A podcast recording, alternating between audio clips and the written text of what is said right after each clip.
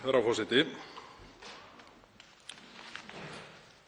Það hefur verið kostulegt hér á köflum að fylgjast með þingmönnum nokkrum sérstaklega koma upp og hafa það helst til málanna að leggja að reyna að útskýra hversu miklu betri manneskjur viðkomandi þingmenn eru en óbreyttur pupullinn.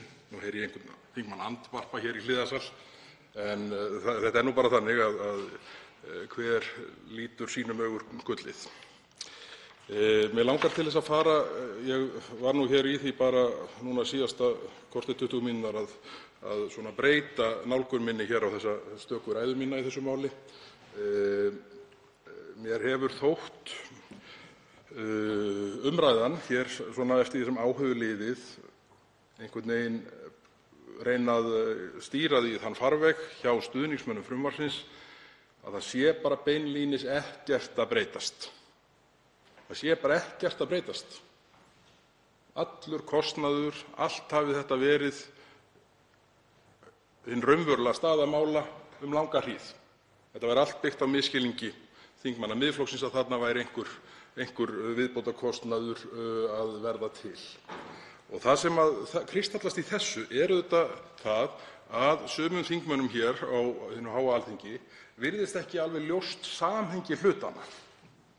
Það er þannig að þó að þetta afmarkaða mál sé lítið og fáar greinar í því þá hefur það auðvitað afleidd áhrif og afleiddu áhrifin eru það sem við, þingmenn Miðflokksins, höfum verið að reyna að benda á hér í dag, m.a. með prýðilegum málflutningi hv. þm. Birgis Þórarinssonar, fulltrúa okkar í fjárlaganefnd, sem er auðvitað bara hér upp sem grandvörslumaður ríkissjóðs, fulltrúi í fjárlaganefnd.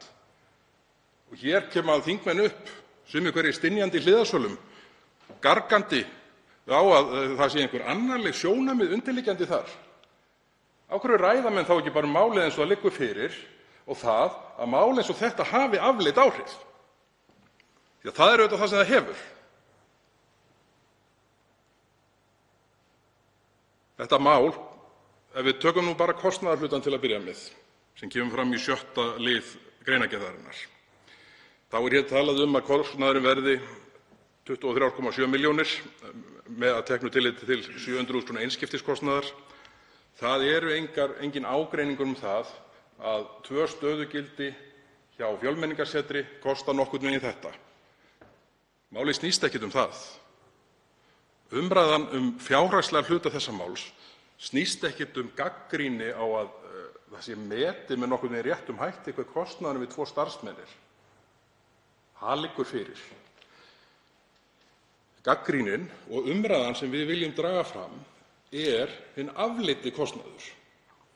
Ef það er þannig að það er bara ekkert að breytast, bara ekki neitt, allur sá kostnaður sem breytt frumvarp kallar fram sé nú þegar til staðar fyrir utan þessar 23,7 milljónir, þá væri ágætt, af því ég sé að hæstv. ráðherra er enn í hliðarsal og ég gef mér að hann komi upp í lokaræðu, komi ekki fleiri á mælendaskrá að minni ræðu lokinni, þá væri bara áhugavert að hæstv. ráðherra færi yfir það með hvaða hætti sú staða hefði þróast. Það er auðvitað þannig eins og segir í frumvarpinu í 5. kafla greinargerðar, með leyfi forseta: „Frumvarpið var samið í félagsmálaráðuneytinu í samráði við starfshóp um móttökuáætlanir sveitarfélaga sem skipaður var 5. mars 2019 til að fylgja eftir tillögum nefndar um samræmda móttöku flóttafólks.“ Ég er hérna með þessa skýrslu sem er grundvöllur þessarar vinnu. Það er auðvitað þannig að á þeim 46 blaðsíðum sem þar eru, ef menn telja að þar sé ekki neitt sem kalli á afleiddan kostnað, þá er það túlkun sem ég bíð spenntur eftir að fá útskýringar á.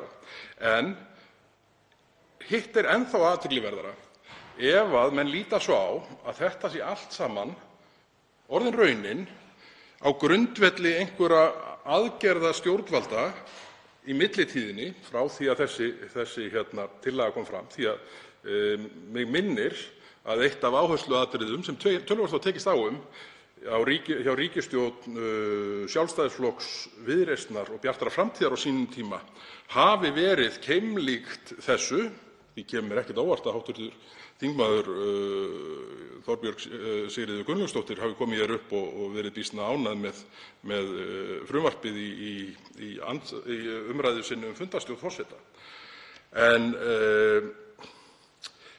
frá því að sú ríkisstjórn sprakk hér eina nóttina þá hefur ekki annað gerst í þessu máli, að því er best veit, en að það hafa verið undirritaðir samningar við þrjú sveitarfélög um móttöku þjónustu við umsækjendur um alþjóðlega vernd. Þetta eru Reykjanesbær, Hafnarfjörður og Reykjavík. Það hefur gengið upp og ofan, svo vægt sé til orða tekið, ég er hér með útprentun fundar nr. 394 hjá velferðarráði Reykjanesbæjar sem var haldinn núna 13. janúar síðastliðinn. Þar er nú bara — ég hef ekki farið í gegnum svartari lestur síðan ég skoðaði skýrslu Ríkisendurskoðunar um Vatnajökulsþjóðgarð, sem er auðvitað annað áhugamál ríkisstjórnarinnar núna að keyra í gegn, þannig að þetta virðist einhvern veginn allt bera að sama brunni. En niðurstaða fjögurra blaðsíðna í fundargerð sem tekur á þessum samskiptum er, með leyfi forseta: „Í ljósi framangreinds telur velferðarráð sér ekki stætt á að ganga til samninga við Útlendingastofnun um að Reykjanesbær taki yfir þjónustu á Lindabraut“ o.s.frv. Þannig að það er ekki eins og það sé einhver beinn og breiður vegur sem það samstarf hefur verið á. Ef það er þetta sem grundvallar það að allt sé nú þegar orðið með þeim hætti sem verið er að lýsa þá væri áhugavert að heyra hvort það hafi gerst með þessum samningi við sveitarfélögin. Annað sem gæti komið til, sem kannski myndi gera það enn þá skrýtnara að þetta væri allt orðið með þessum hætti nú þegar, er að fyrir ári síðan, nánar tiltekið 21. janúar 2020, var hæstv. félags- og barnamálaráðherra, Ásmundur Einar Daðason, að mæla fyrir þessu sama máli. Hann var að mæla fyrir þessu sama máli, hæstv. ráðherra. Þar segir í andsvari við framsöguræðu hæstv. ráðherra: „Birgir Þórarinsson, hv. þingmaður Miðflokksins, spyr, með leyfi forseta“ og nú náði ég ekki hvort samtalið atvikaðist með sama hætti hér í dag en af því að þetta er til á prenti frá því fyrir ári síðan þá prentaði ég þetta bara úr svona til hægðarauka. Með leyfi forseta segir þá í andsvari Birgis Þórarinssonar við framsöguræðu hæstv. ráðherra: „Nú segir í greinargerð með frumvarpinu á bls. 4 um mat á áhrifum „Með samræmdu móttökukerfi er unnið að því að tryggja flóttafólki jafna þjónustu óháð því hvernig það kemur til landsins.“ Hv. þm. Birgir Þórarinsson spyr: „Ég vil því spyrja hæstv. ráðherra: Er það svo að þeir sem koma hingað til landsins og fá dvalarleyfi fái þá nákvæmlega sömu þjónustu og kvótaflóttamenn?“ Þetta var spurningin. Hæstv. félagsmálaráðherra svarar fyrir réttu ári síðan, með leyfi forseta: „Ég þakka þingmanninum fyrir þessa fyrirspurn. Hugsunin með samræmdri móttöku er að samræma þetta. Við erum að taka á móti kvótaflóttafólki og síðan er að koma fólk sem fær leyfi af mannúðarástæðum og fleiri ástæðum. Breytingarnar sem verið er að gera með samræmdri móttöku er að allir sem koma hingað inn sem flóttamenn fari í sambærilegan farveg.“ Þetta sama mál, ég held að það sé orðrétt fyrir utan eflaust einhverjar dagsetningarbreytingar frá því fyrir ári síðan, er efnislega óbreytt. Þessi umræða átti sér stað fyrir ári síðan og hér erum við aftur stödd. Hér tala menn eins og það sé bara ekkert að gerast, engin breyting að verða með þessu frumvarpi. Svo koma hér tilteknir þingmenn í sérstaklega miklu ójafnvægi álgargandi og verða sér til minnkunar. Hæstv. ráðherra, þarf einhvern að undra að menn skynji það sem svo að það sé verið að reyna að lauma breytingum á þessum málaflokki í gegnum kerfið með því sem oft hefur verið lýst í tengslum við Evrópusambandsaðildarmál möguleg, með salamíaðferðinni, smábit í einu. Ég spyr bara, af því að ég ítreka að ég gef mér að hæstv. ráðherra komi hér aftur upp í ræðu við lok umræðunnar: Hvernig hefur þetta þróast með þeim hætti að þau áhersluatriði sem nefndin, sem skilaði skýrslu um samræmda móttöku flóttafólks í janúar 2019 og er grundvöllur þessa frumvarps, eins og segir bara hér í samráðskafla frumvarpsins sem liggur hérna fyrir, með leyfi forseta aftur: „Frumvarpið var samið í félagsmálaráðuneytinu í samráði við starfshóp um móttökuáætlanir sveitarfélaga sem skipaður var 5. mars 2019 til að fylgja eftir tillögum nefndar um samræmda móttöku flóttafólks“, sem er þessi skýrsla.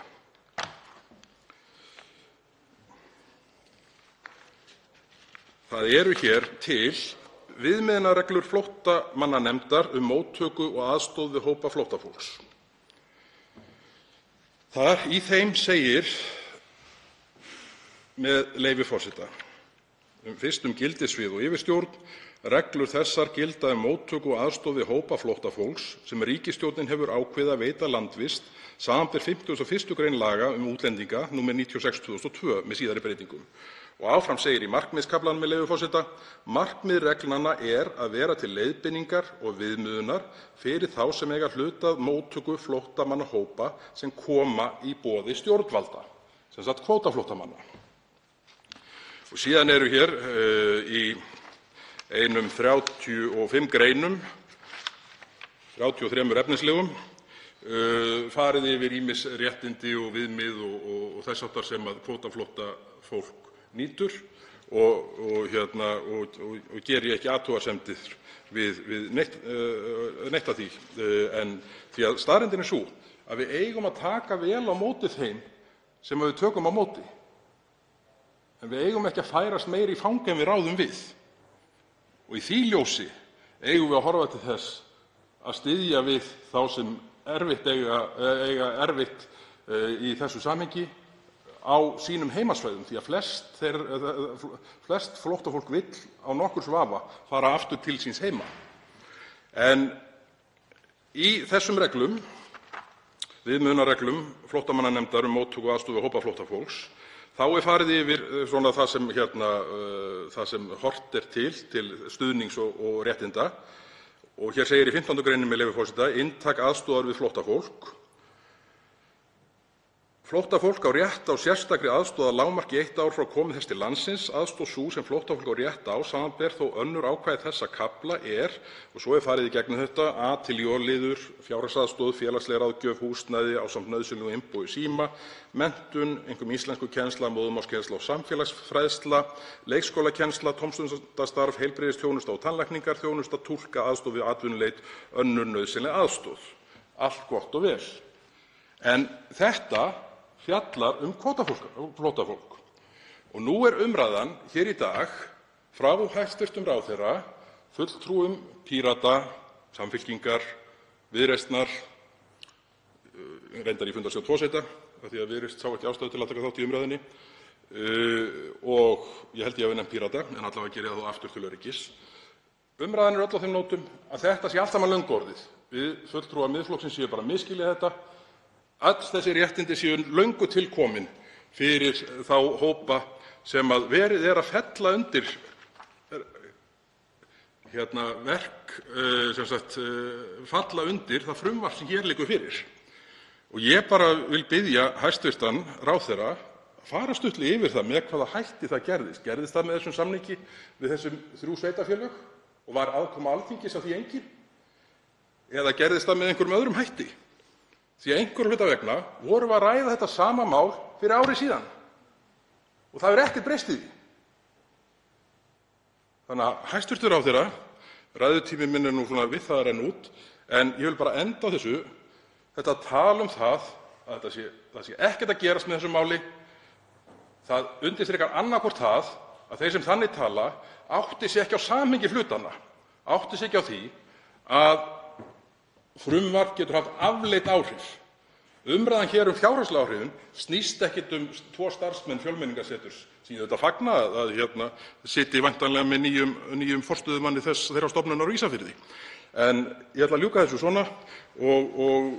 Það er ekki boðleg umræða að halda því fram að það sé ekkert að gera nema menn útskýri með hvaða hætti mál breyttust með svona verulegum hætti frá því viðmiðunarreglur flóttamannanefndar um móttöku og aðstoð við hópa flóttafólks voru gefnar út og síðan frá því málið var rætt hér fyrir um bil akkúrat ári síðan.